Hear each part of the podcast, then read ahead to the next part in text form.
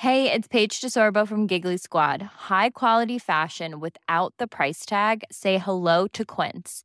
I'm snagging high-end essentials like cozy cashmere sweaters, sleek leather jackets, fine jewelry, and so much more. With Quince being 50 to 80% less than similar brands. And they partner with factories that prioritize safe, ethical, and responsible manufacturing. I love that. Luxury quality within reach. Go to quince.com slash style to get free shipping and 365 day returns on your next order. Quince.com slash style. Hey, I'm Ryan Reynolds. At Mint Mobile, we like to do the opposite of what Big Wireless does. They charge you a lot, we charge you a little. So naturally, when they announced they'd be raising their prices due to inflation, we decided to deflate our prices due to not hating you. That's right. We're cutting the price of Mint Unlimited from $30 a month to just $15 a month. Give it a try at mintmobile.com slash switch. $45 upfront for three months plus taxes and fees. Promote for new customers for limited time. Unlimited more than 40 gigabytes per month. Slows. Full terms at mintmobile.com. There's never been a faster or easier way to start your weight loss journey than with PlushCare. PlushCare accepts most insurance plans and gives you online access to board-certified physicians who can prescribe FDA-approved weight loss medications like Wigovi and Zepbound for those who qualify. Take charge of your health and speak with a board-certified physician about a weight loss plan that's right for you. Get started today at plushcare.com slash weight loss. That's plushcare.com slash weight loss. plushcare.com slash weight loss.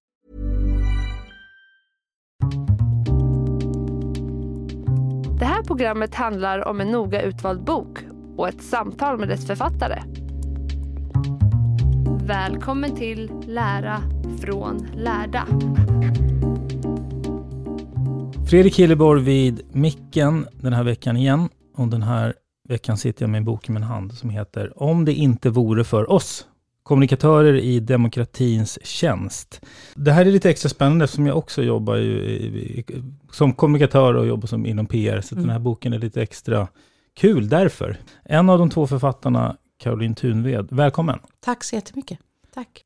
Jag brukar alltid börja med att gäster får presentera sig. Mm. vi kör där. Mm, vad härligt. Pang på. Jag är um, vd och generalsekreterare på Sveriges kommunikatörer. Det är ju en branschförening som samlar Eh, människor som jobbar professionellt med kommunikation i Sverige. Där har jag varit nu i ett år och nio månader.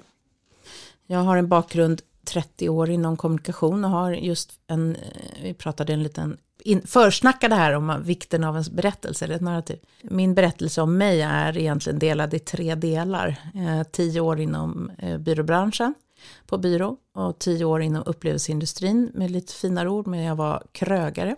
Mm. Eh, tänkte att jag aldrig mer skulle jobba med kommunikation och eh, tog över en, ett, ett arrende uppe i Stockholms norra skärgård på Fejans skärgårdskrogkonferens och stod på den där bryggan där första morgonen, det är, är icke bilburen ö. Och insåg att oj vad jag kommer behöva jobba med kommunikation för att ha gäster. och skapa upplevelse och eh, eh framåtrörelse. Och sen tio år inom ideell sektor som kommunikationschef på Scouterna, Hyresgästföreningen och Rädda Barnen. Mm. Jag kommer in med liksom en bred bakgrund och har jobbat inom eh, de mesta liksom, jag har varit produktionsledare och projektledare, men jag har jobbat med allt från eh, snabbrörliga konsumentvaror eh, till, till samhällskommunikation och PR, opinion och ja, allt möjligt. Liksom. Du är också med i Kommunikationspodden mm. Tillsammans med Max Landegård. Ja. Yeah. Precis, som jag brukar lyssna på och gillar. Mm. Jag, har bara, jag har en kort historia om den, för att det var så här, för, för några år sedan när jag närmade mig med avsnitt 100, ja. Då tänkte jag så här, jag ska göra något kul, jag ska försöka ta in någon annan som får intervjua mig. Ja, vad spännande. Och då mejlade jag Max, ja. då höll han på. Och så, ja. och så skrev jag så här, ja men, ja men, vill inte du bara hoppa in som, som intervjuare? Ja. Alltså, så här, ja. Avsnitt 100. Och så svarade han så här, ja visst kom hit. Så jag tänkte, ja bra. Eh, och sen när jag var på väg dit så tänkte jag, ja, men jag, mejlar honom några sådana här frågor som jag ofta får, till, alltså om podden Mm, sådär, mm. alltså kring att hundra avsnitt och så, alltså om böckerna, folk brukar ofta fråga vilken bästa boken. Så mejlade det och så svarade han ganska kort så här, ja men, ja, ja, men frågor det är inga problem. Mm. Då tänkte jag, jaha okej, ja, ja, ja, men, och så kom jag dit och så körde vi igång.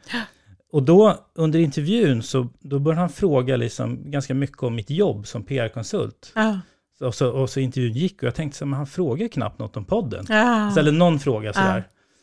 Eh, och så körde vi den och så tänkte jag, vad konstigt. Så. Och sen när jag var på väg hem, då förstod jag att han trodde att jag ville vara en vanlig gäst i hans podd. Jag fattar. Så att det blev liksom ett, apropå dålig kommunikation mellan mig. Ja, ja. Men jag menar ju att han skulle vara liksom i min podd på avsnitt 100. Så att det Ja. blev ett, ett jättemissförstånd där. Ja. Men han trodde att jag loggade Ja. mig själv och tjena, tjena, här har du frågor att ställa. Så han var liksom, ja, så att det blev inget... Du har inte gjort det där avsnittet? Nej, så, Nej, men då får vi göra det Fredrik. Nej, men nu, det var ju avsnitt 100, nu är jag på Precis. 350. Ja, men då får vi ju, om, om 50 avsnitt då? Ja, men precis. 400, då kommer du till Kommunikationspodden. Absolut. Det blir Ja. ju jätteroligt. Eh, men den här boken då, har du någon hisspitch? Ja, boken Om det inte vore för oss. Hisspitchen är att vi hade en tes om att eh, kommunikatörer är demokratins möjliggörare. Och, Eh, och det var jag och Johanna som eh, hade eh, ett samtal kring. Vi började i arbetsmiljö och sen så kom vi ganska snabbt över liksom i hur viktiga kommunikatörer är i, i världen. Och ehm, undrar, om, undrar hur många som ser sig som demokratins möjliggörare. Boken är därför en intervjubok. Vi har pratat med 13 kommunikatörer i Sverige som berättar sin vardag och sin syn på sitt uppdrag inom samhällskontraktet och samtliga, ja det ska jag inte spoila, det får ni läsa. Ehm, så eh, den handlar om de viktiga kommunikatörerna i Sverige för vår demokrati. Sen tänker jag på frågan varför ni skrev den. Och Mm. Jag kan väl också eh, sticka in där, för det, det har varit dels kommunikatören, att det finns en otydlighet kring rollen, alltså skulle jag säga också, när man har jobbat med det. Och, och senaste året har det Mm. bland annat då dykt upp lite debattinlägg kring Mm. eh, kommunikatörer Mm. inom offentlig sektor. Precis. Det har ju varit en, en, en lågintensiv debatt kring eh, kommunikatörens varande och icke-varande eh, under väldigt många år. Alltså nästan- Lågintensiv. Ja. Legat- Ja, men den har liksom funnits med hela tiden. Alltså, det är nästan så här 15 år tillbaka. Eh, och, och det är ju intressant i sig, därför att eh, så som jag kan se det ur det är ju att det är fortfarande ett relativt ungt yrke. Och då kan man säga, vadå, hur ungt då? Ja, eh, alltså det startade ju någon gång på 1920-talet och då kan man ju tycka att det, det är väl inte speciellt ungt. Men om man jämför med militärer eller jurister så är det ett ungt yrke fortfarande. Sen är det ju ett yrke som jobbar på frontlinjen av vår tids utveckling.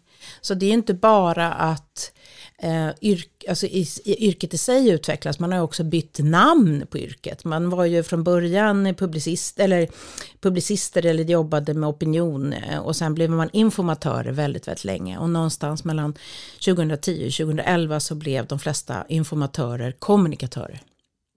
Eh, och där är man nu och då kan man ju också så här, vem är kommunikatören? Och, för mig och för Sveriges kommunikatörer så, och DIK så, spin, så, så spänner det jätte, jättebrett. Allt ifrån marknadskommunikatören till presssekreteraren eh, sekreteraren, till kommunikationschefen till verksamhetsutvecklaren till eh, motion graphic designen. Eh, alla jobbar med kommunikation på det ena eller andra sättet. I boken har vi ju eh, tagit skopet offentlig sektor. Eh, för att eh, just utifrån demokratiperspektivet. Men det är ju också väldigt många kommunikatörer inom näringslivet som också jobbar och möjliggör demokratin i Sverige. Så det ska man ju inte glömma bort. Men just den här boken eh, handlar om offentlig sektor. Finns det något annat yrke eller yrkesgrupp som går att likna med kommunikatörer? Alltså i det att det är både brett, inte helt tydligt.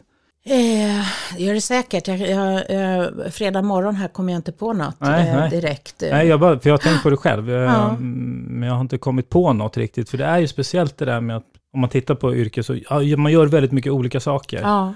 Jättespännande fråga som vi ju skulle faktiskt kunna utlysa här i podden om någon skulle kunna komma och hitta på. Kanske IT-konsult eller man jobbar med, med, med Ja. IT. Det är också otroligt brett. Ja. Man vet inte riktigt vad de gör. Verkligen. Eh, Lite men- oidentifierbart liksom. Vi pratar ju mycket om det, vi nämner också det i boken. Eh, titlar, eh, är det viktigt? Och om vi tittar på det här yrket så eh, har det ju både varit en inflation och en deflation inom titlarna. Jättemycket olika titlar ett tag eh, och det är osunt i sig därför att det skapar otydlighet. Men sen har man på många eh, håll då dragit tillbaka det till att alla heter kommunikatör. Och det är klart att det också skapar en otydlighet och, och sen är det också så att när vi då när, när eh, media begär uppgifter om antal kommunikatörer, då svarar man ju på det eftersom att det är offentlig handling inom offentlig sektor. Um, och jag hoppas även att näringslivet gör det för att det, det är klart man ska vara transparent i det. Men det blir ju då att man går på en lönekartläggningsterm som heter kommunikatör. Mm. andra är projektledare, specialist, mellanchef, högre chef och så vidare.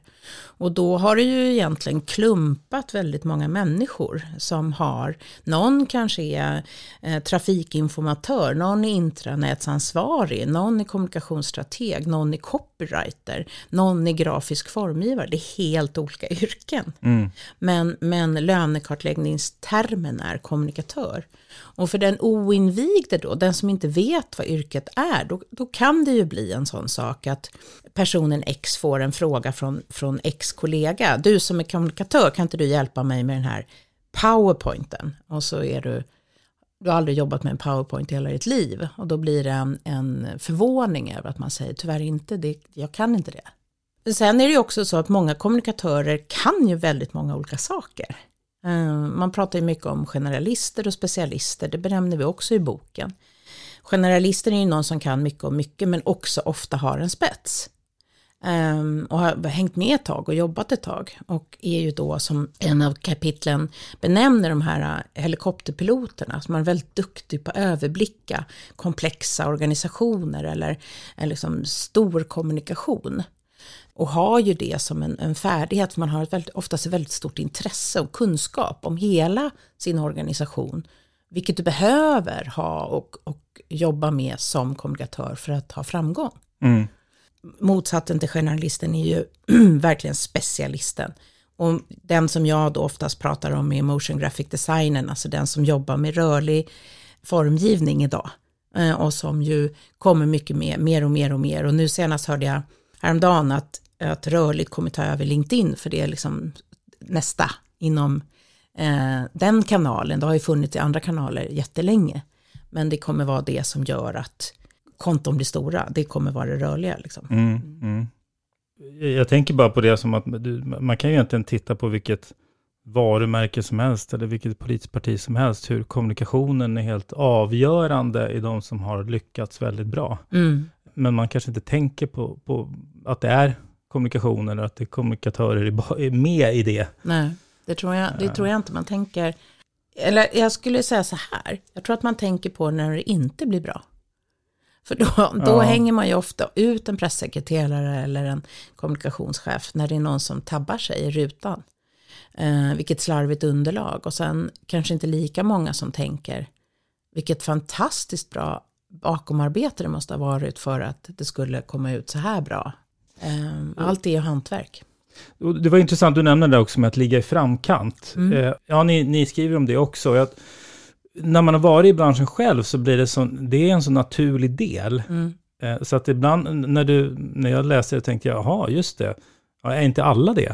Mm. För att man, det, det är, blir en del av ens DNA nästan när man jobbar mm. inom branschen. Men, men sen upptäcker man ibland att nej, det är kanske inte alla yrken som är det. Nej. Det, förstår du vad jag menar? Abs det, det är liksom en självklarhet. Ja, och det är väl också det som är att, liksom lite det här skomakarens lästuttrycket, att vi kommunikatörer är ju inte så bra på att berätta vad vi gör. För oss är det ganska självklart vad vi gör.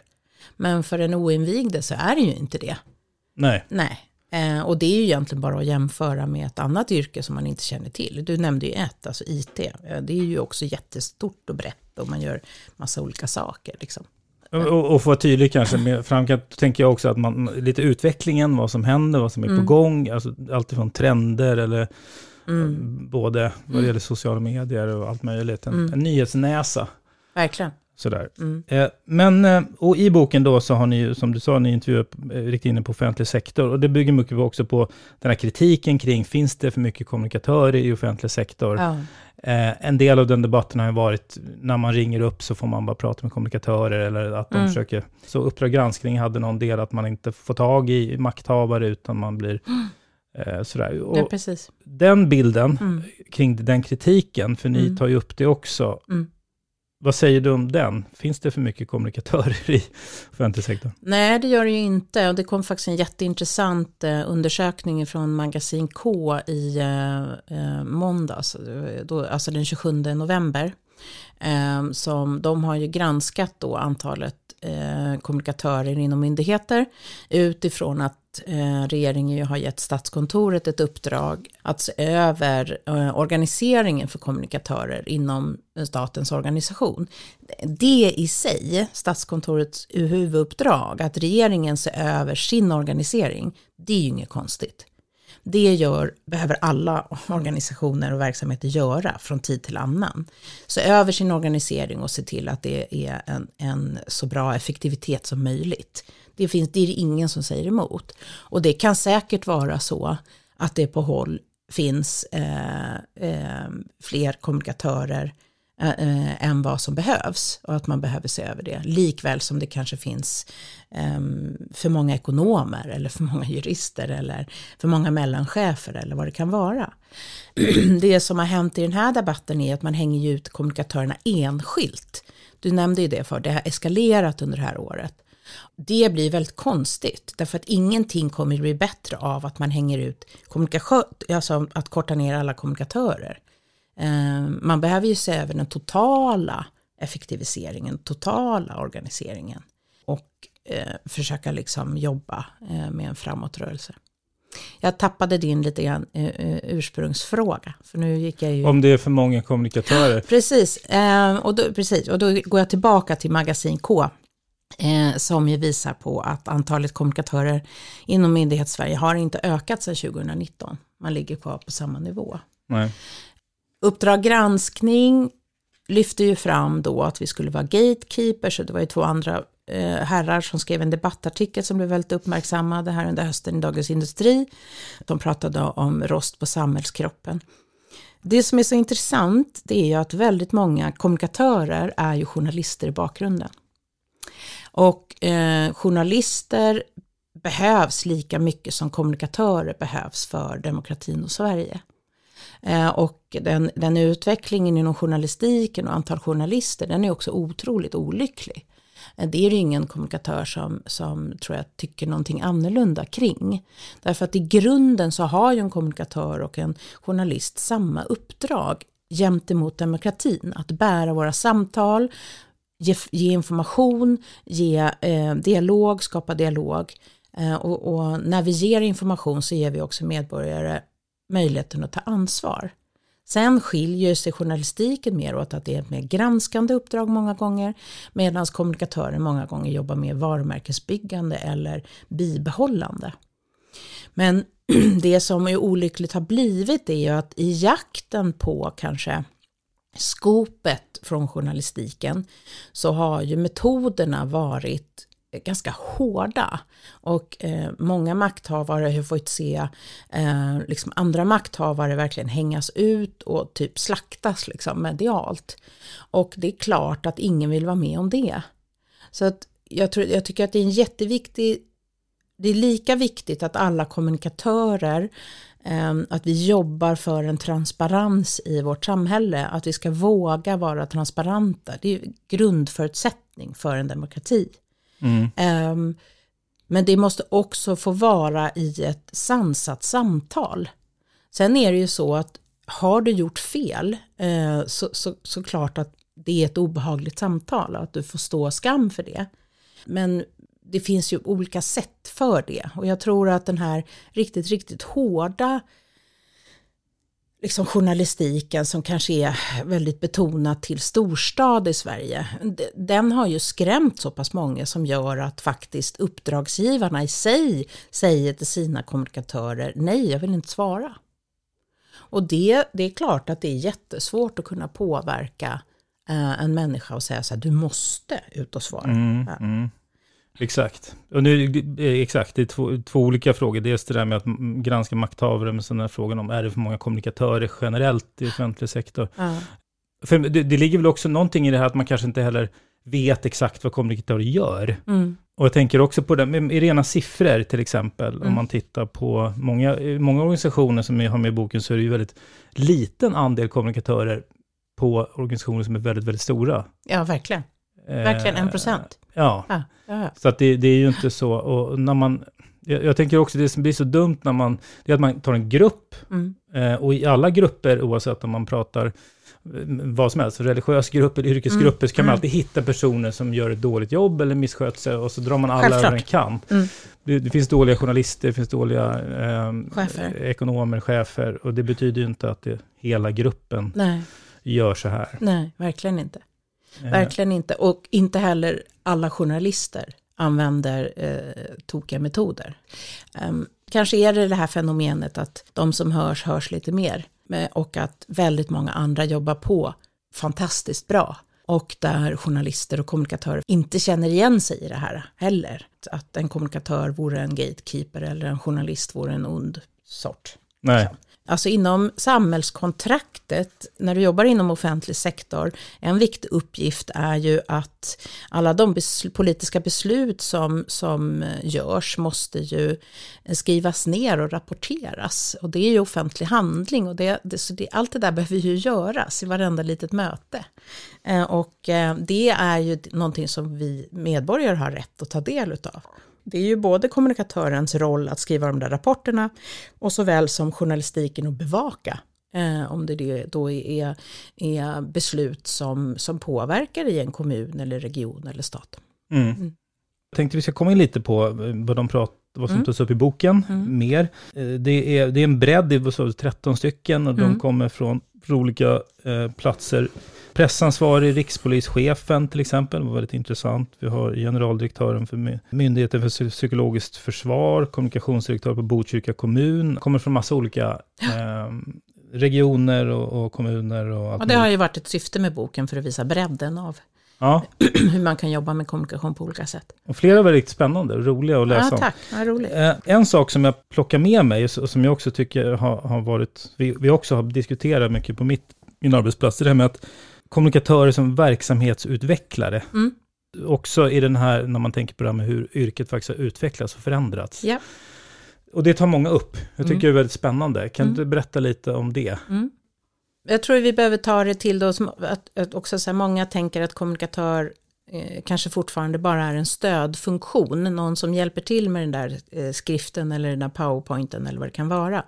Men det är ju också en, en, liksom en gammal bild av yrket, eh, hur det var. Den finns fortfarande kvar. Det är absolut någonting vi gör, många kommunikatörer.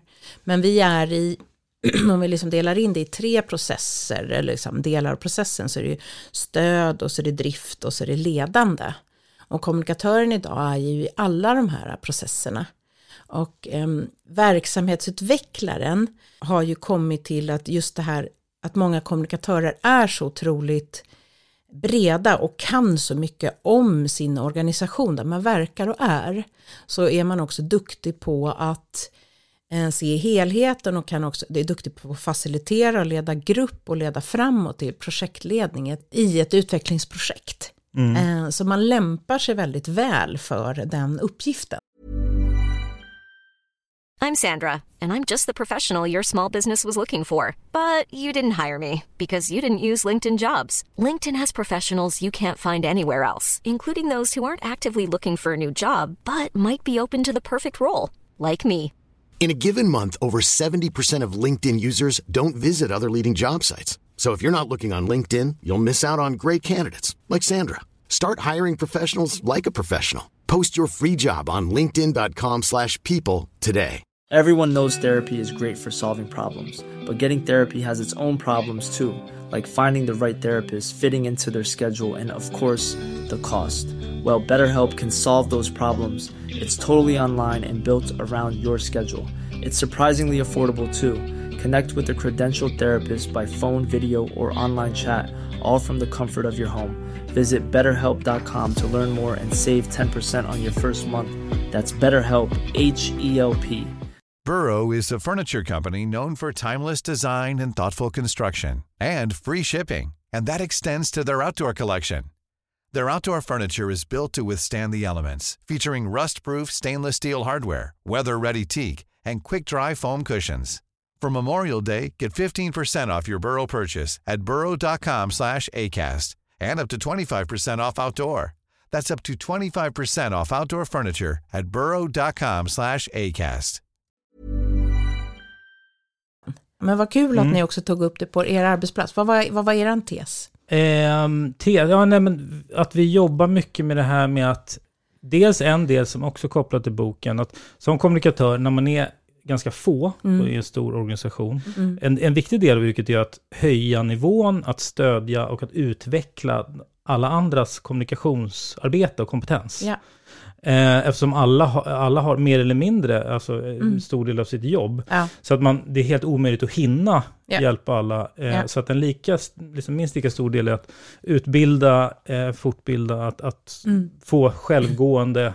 Så det, det är ju en del av det här liksom att utveckla verksamheten. Mm. Men sen tänker jag också, ni, ni har ju de här också från är det Skellefteå, där de är Kulturhuset va? Ja, precis. Eh, två stycken, och där tycker jag också typexempel på hur de jobbar med eh, Alltså det är ett kulturhus som har massa uppdrag med att samla folk och Ja, där verkligen kommunikation är ju kärnan. kärnan i Mm, det. mm. Att utveckla, men hur ska vi få Mm. liv, hur ska vi dra hit folk, hur ska vi Mm. få olika... Man Mm. pratar ju mycket om det, där, Mm. där verkligen, man, alltså det är en tydlig bild av att kommunikation verkligen inte är, hej kan ni hjälpa mig med PowerPoint, utan hela verksamheten bygger på... Hela uppdraget bygger på deras, de har ju, precis som du nämner, har ju de, eh, de har ju ett råd eh, där de har möte varje vecka och där man då samlar de olika bolagen som faktiskt huserar i, Sara kulturhus Mm. eh, utifrån stadens uppdrag, vad det här ska vara för medborgaren i Skellefteå. Mm. Och det är ju allt ifrån eh, Northvolt som intressent ursprungligen, liksom om de skulle placera hela sin verksamhet där uppe, då behöver det finnas någonting att göra på kvällarna, väldigt uttryckligt, till också att det behövdes ett, ett nytt eh, kulturhus. Eh, kulturen är väldigt, väldigt viktig i en demokrati i Sverige. Så att, så att alla de här har ju ett möte en gång i veckan och diskuterar just som du säger. Hur ser programmet ut framåt? Hur kan vi vara? Hur kan vi verka? Eh, hur kan vi få in grupper som kanske inte tänker på oss? Man har ett jättefint exempel i boken i, där språk inte är, eh, hur man har tagit bort språket som en barriär för kulturen. Just det. Ja. Och, och jag vet att en av de personerna i intervjuade, hon var, eh, hade jobbat som AD eller grafiskt, att hon, en del Ja. av det grafiska uttrycket Ja, precis. hade hon också varit en del av, apropå kommunikation Ja. som verksamhet. Och, och alltså Sara kulturhus, bara huset i sig är ju en internationell liksom, nyhet när det, när det skapades för att huset är så unikt och hur man kan bygga hållbart. Liksom. Mm. Så jätte, många, återigen, många delar av olika kommunikation, men viktig kommunikation. Mm. Jag, jag tänkte Fredrik också, jättefint att du lyfter det här med det utvecklande, att vi utvecklar människor. För det gör ju kommunikatörer.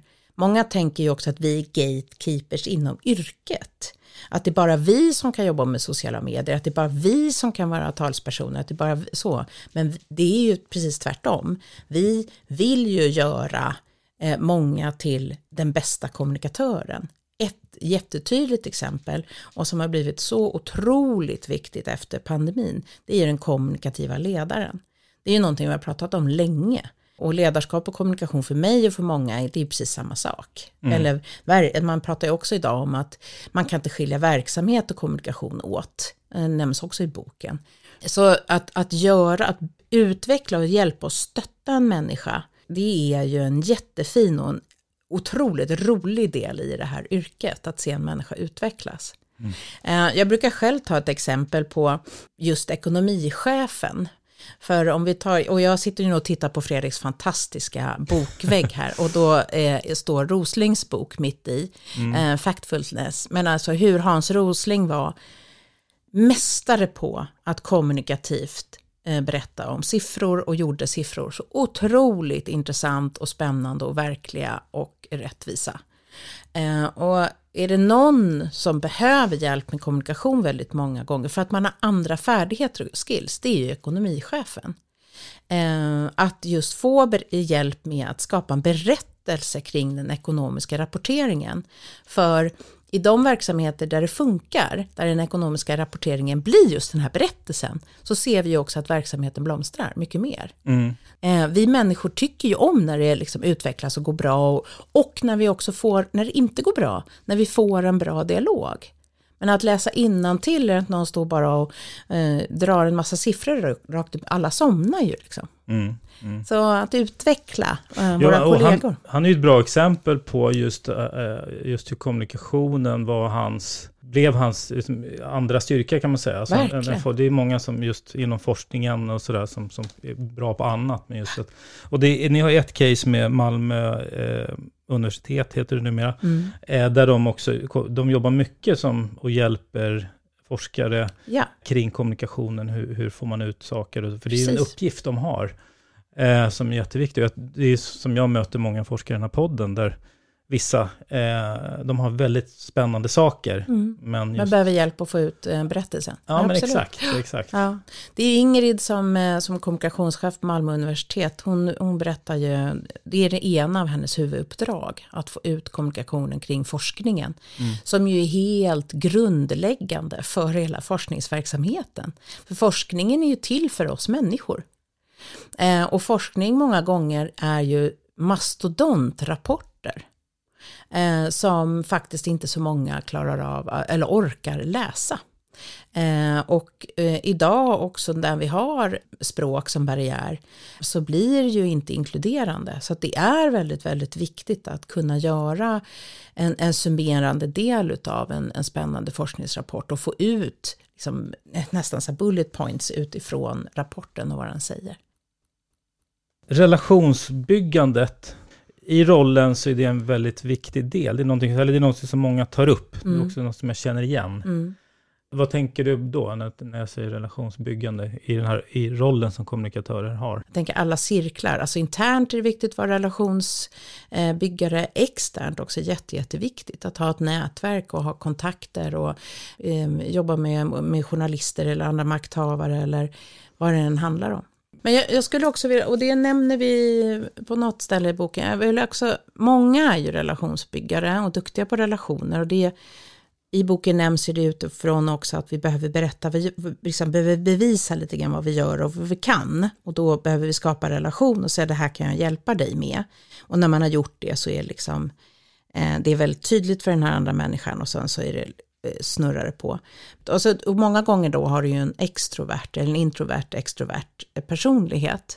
Om vi nu pratar om det. Men det är ju inte alla kommunikatörer som behöver vara relationsbyggare. En del eh, kommunikatörer, specialister, kan ju vara verkligen liksom, eh, introverta och supernördiga på, alltså nörd är ju bara positivt för mig, då är man ju specialist, eh, nördiga på sitt område Mm. Eh, för att kunna utföra eh, liksom en viktig tjänst. Bland annat är ju det många gånger hantverkarna. Nu går jag tillbaka till min motion graphic specialist. Eller så. Så att alla behöver inte vara relationsskapare eller byggare. Nej. Nej. Men många är det. Ja, det, det kanske jag tänkte på med det. Det, det kanske också det här, det, det hänger, nu hoppar lite fram och tillbaka här, men mm. just att det, finns en lite otydlighet vad kommunikatörer gör. Alltså, mm. här, vad, gör, vad kan man egentligen? Vad är kompetensen? Och, och precis när jag var i byråvärlden, då, då, då pratade vi mycket om det här med att när man hade kunder, att man, ibland måste man ju liksom visa vad det går att göra, vad man går för. Ja. Alltså, om det kommer hem en, en, en inredningsdesigner eh, hem till mig och liksom visar, då blir jag wow, mm. vad snyggt det kan bli. Mm.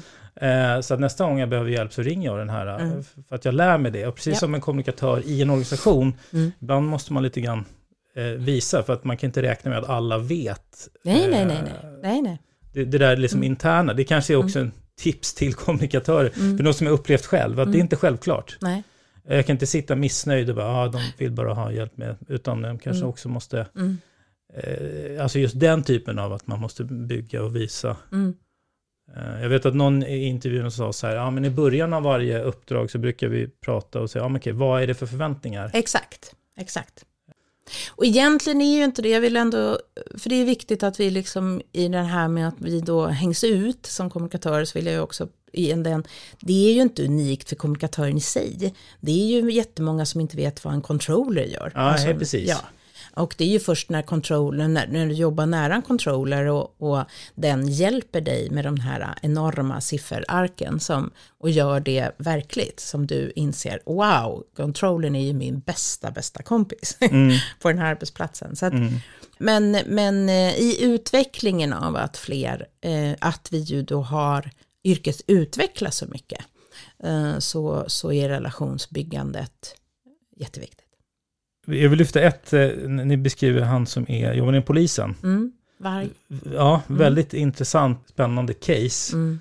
Eh, som beskriver det här med Drottninggatan. Mm. Hur ändå viktig del det kommunikativa och de som var kommunikationsexperter där var i det. Det är inte självklart. Så, nej, som varje Lander säger, helt avgörande. Ja, mm. och varför var det avgörande? Ja, men det, det är ett väldigt bra exempel på eh, att, att vi, eller många arbetsplatser och andra kanske inte vet, tänker på hur mycket eh, kommunikatörerna jobbar runt omkring andra roller. Och i det här fallet då var ju kommunikatörer, eller är ju kommunikatörer de som också svarar i telefon och berättar när man får tips och eh, plockar upp information och tar den vidare och också som Varg nämner det här fantastiska helikopterperspektivet att kunna se helheten. Så återigen, man hjälper andra professioner att, att då komma vidare i arbetet. Verksamhetsutveckling på något sätt? Ja, men precis. Och i, i um, i det här då vara en stor stöttande del i den utredningen och det arbetet att hitta eh, Akilo. Då. Mm. Mm. Varg, det låter som brandat namn. Det är för bra för att vara sant. Liksom för... Ja, det är ett fint namn. Jättefint namn. Mm. Kommunikatör i demokratins tjänst. Ja. Vad är det som grejen med det? Att, det? att det är så pass, eller hur menar ni att det är i demokratins tjänst? Alltså viktigt för demokratin. Mm. Eh, I demokratins tjänst, alltså det utgår ju från eh, som många lyfter i boken, att man har en kompass. Kompassen är vår grundlag och framförallt eh, andra paragrafen statsskicket. Eh, så, eller statens grunder, liksom, yttrandefriheten och, och hur viktigt det är att bibehålla dialog mellan medborgare och stat. Eh, och framförallt tillit mellan medborgare och stat. Och det är ju tyvärr så att på väldigt kort tid så har ju världen gått ifrån Eh, att vara 58 procent, nu sitter, jag arbetar också i styrelsen för Civil Rights Defender så jag har de här siffrorna. 58 procent utav världen eh, för några år sedan var ju då demokratier och in, idag är vi nere på 26. Det är ju mm. jätteallvarligt att vi backar så pass mycket. Eh, och även i Sverige, och det, det är liksom den som vill jobba bort demokratin eh, har ju ett jättebra sätt i att göra det, att att just förstöra tilliten mellan stat och medborgare. Så Sverige som är en demokrati, alla de som jobbar inom för att bära, försvara, vakta demokratin, eh, försvarar, bär och vaktar dialogen mellan medborgare och stat. Och där är kommunikationen, kommunikatörer. Helt vital. Ja, för att också berätta och informera ja. Eh, allting, ja, ja. precis, de kommunikatörer inom offentlig sektor. Mm. Men det tänker man ju inte alltid på. Nej, det är precis. Det tänker man ju inte alltid på. Jag tror inte att vi har tänkt på det så mycket. Vi har inte behövt tänka på det så mycket i många, många år därför att det har snurrat på. Men vi har en helt annan tid. Mm. Vi har en helt annan tid i Sverige, vi har en helt annan tid i vår omvärld. Vad det också gör är att det ställer ju högre krav på medborgaren eh, i att ta ansvar. Och för att kunna ta ansvar, återigen, så behöver du information. Och då mm. behöver någon ge dig informationen. Den mm. är inte bara där. Den är inte bara där. Är det någonting i boken som vi inte har pratat om, en pusselbit som du vill nämna? Då nämner jag gärna kapitlet om, om eh, missinformation och påver- otillbörlig påverkanskampanj. Som ju är någonting som eh, väldigt många fler kommunikatörer idag jobbar med. Och det har ju eskalerat under de senaste två åren. Mm. Utifrån att Eh, apropå att ligga i framkant också. Apropå att ligga i framkant, men mm. apropå också att vi idag, alltså världen idag använder så många olika metoder att undermin i, i krig eller underminera länder. Eh, och där ju Sverige då är ett land som man gärna eh, sprider eh, felaktig information om för olika länders påverkan. Så otillbörlig påverkanskommunikation, det är ju alltså, vilket också förklaras i boken, det är kapitlet med Magnus Hjort som är generaldirektör på Myndigheten för psykologiskt försvar. Ehm, det är ju främmande makts eh, påverkan på Sverige. Och det är ju inte bara den myndigheten, absolut inte bara den myndigheten som sitter och jobbar med det, utan det är ju i stort sett ehm, varje kommun, många regioner och så vidare som, som jobbar med det här hela dagarna. Och om vi tar nu bara senaste, det tycker jag var ett fint inslag på en av våra eh, nyhetskanaler för någon vecka sedan eh, om, eh, alltså fint inslag utifrån vad kommunikatörer gör. Eh, så pratade man om då Israel och Palestina eh, och kriget där och de bilder som vi matas med, är de tagna av människor eller är det AI-genererade bilder? Och att det alltså sitter människor på heltid i att bara försöka för, se och liksom identifiera om de här bilderna är tagna av människa eller AI. Och varför är det viktigt? Jo, det är ju super, superviktigt inom journalistiken att de bilder vi nås av är sanna. Mm. Och bland annat, eh, då var det inte bild, men då var det rykte om eh, att en av länderna då, eller att Israel hade bombat en av de här sjukhusen, vilket ju inte var sant. Men det, den nyheten hann ju gå ut över hela världen innan man insåg det här är ju bara missinformation. Mm.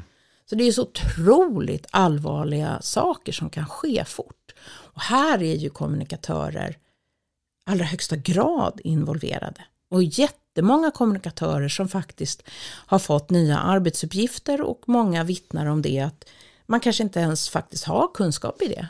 Det, det är mycket möjligheter med ett ut, ett sånt här yrke som hela tiden utvecklas, men det kommer också med en rejäl dos utmaningar. Och om vi liksom går tillbaka till egentligen Johanna som min, vårt allra, allra första samtal, så handlade det om arbetsmiljön. Mm, och som också skrev boken. Mm. Precis, som är också med min medförfattare och initiativtagare till boken. Det var hon som frågade mig om vi skulle skriva bok. Uh, och då, um, båda våra organisationer har ju som hjärtefråga arbetsmiljön såklart för, för kommunikatörer. Som delvis handlar om eh, att, att ledare och chefer behöver skärpa till sig kring att göra en bättre vardag för sina kommunikatörer. Men också eh, så är det ju en utmaning i att många gånger så tänker man att kommunikatörer redan kan saker. Alltså det kan komma upp nya kanaler. Det gör det ju hela tiden. Jag hörde någon igår, jag kommer inte ens ihåg vad den heter. Men, men som, eh, precis här, ingen aning om vad det är för någonting. Men då förväntas man kunna det. Och det är såklart att man inte gör det. Men, men eh, så det, det är mycket möjligheter men också utmaningar inom vårt yrke.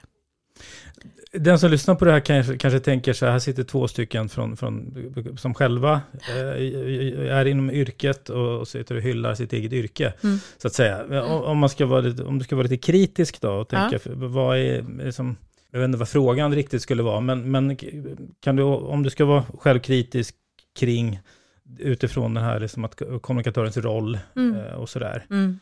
Eh, vad skulle du säga då? Eller har du fått sådana frågor också av andra kanske? Absolut. Nej men alltså kritisk jag tyckte vi nämnde det väldigt bra. Många tror ju att alla är emot eh, att tycka att statskon, alltså regeringens uppdrag till statskontoret och granska sin organisering inom sin organisering, myndigheterna, är helt fel. Nej men där är alla, de flesta kommunikatörer helt med på att de behöver se över sin organisering. Det är mm. inget konstigt i det.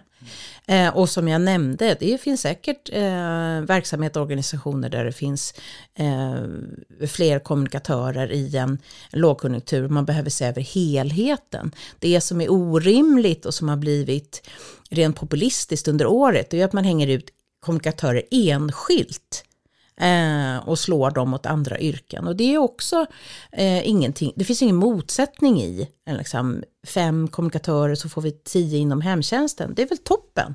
Jag tror ingen kommunikatör säger emot det. Eh, just det liksom, som ett exempel. Vi är många som, som eh, kommunikatörer som pratar om att vi behöver själva hjälpa till och, och skapa förståelse för och kunskap kring yrket. Det är det här med skomakarens läst, att man kanske eh, faktiskt lite grann det här att alla kan kommunicera. Då tänker man att alla är kommunikatörer, men det, det kan vi inte utgå ifrån.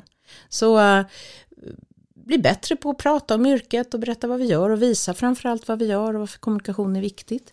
De som, som uh, har problem med att, att uh, uppdragsgivare säger att man inte ska vara transparenta, ta hjälp eh, utav andra kommunikatörer eller kontakta oss på Sveriges kommunikatörer eller på DIK eh, och prata om hur man ska gå tillväga. Eh, vi behöver vara eh, ett medel för transparens.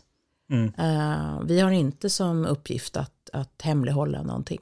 Men, men vad gränsen går för transparens, det, det finns det absolut. För vi vill inte heller, vi är ju ute efter en, en sansad debatt och ett sansat samtal eh, som ska leda till någonting bättre. Om man har frågor till dig, eh, mm. hur når man dig lättast? Mig når man på Sveriges kommunikatörer, man kan gå in på sajten och så finns jag där på kontaktuppgifter. Eller så finns jag på LinkedIn, man kan DMa mig där. Mm. Eh, så eh, det går jätte, jättegärna.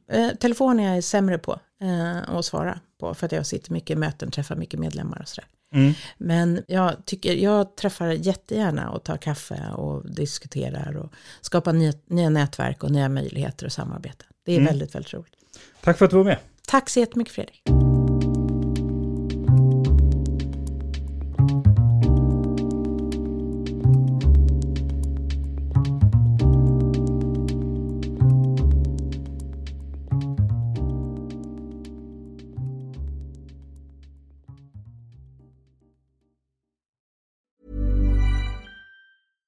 Hey, it's Paige DeSorbo from Giggly Squad. High quality fashion without the price tag. Say hello to Quince. I'm snagging high-end essentials like cozy cashmere sweaters, sleek leather jackets, fine jewelry, and so much more. With Quince being 50 to 80% less than similar brands. And they partner with factories that prioritize safe, ethical, and responsible manufacturing. I love that. Luxury quality within reach. Go to quince.com slash style to get free shipping and 365 day returns on your next order. Quince.com slash style. Imagine the softest sheets you've ever felt. Now imagine them getting even softer over time. That's what you'll feel with Bowl and Branch's organic cotton sheets. In a recent customer survey, 96% replied that Bowl and Branch sheets get softer with every wash. Start getting your best night's sleep in these sheets that get softer and softer for years to come. Try their sheets with a 30-night guarantee. Plus, get 15% off your first order at bowlandbranch.com. Code BUTTERY. Exclusions apply. See site for details.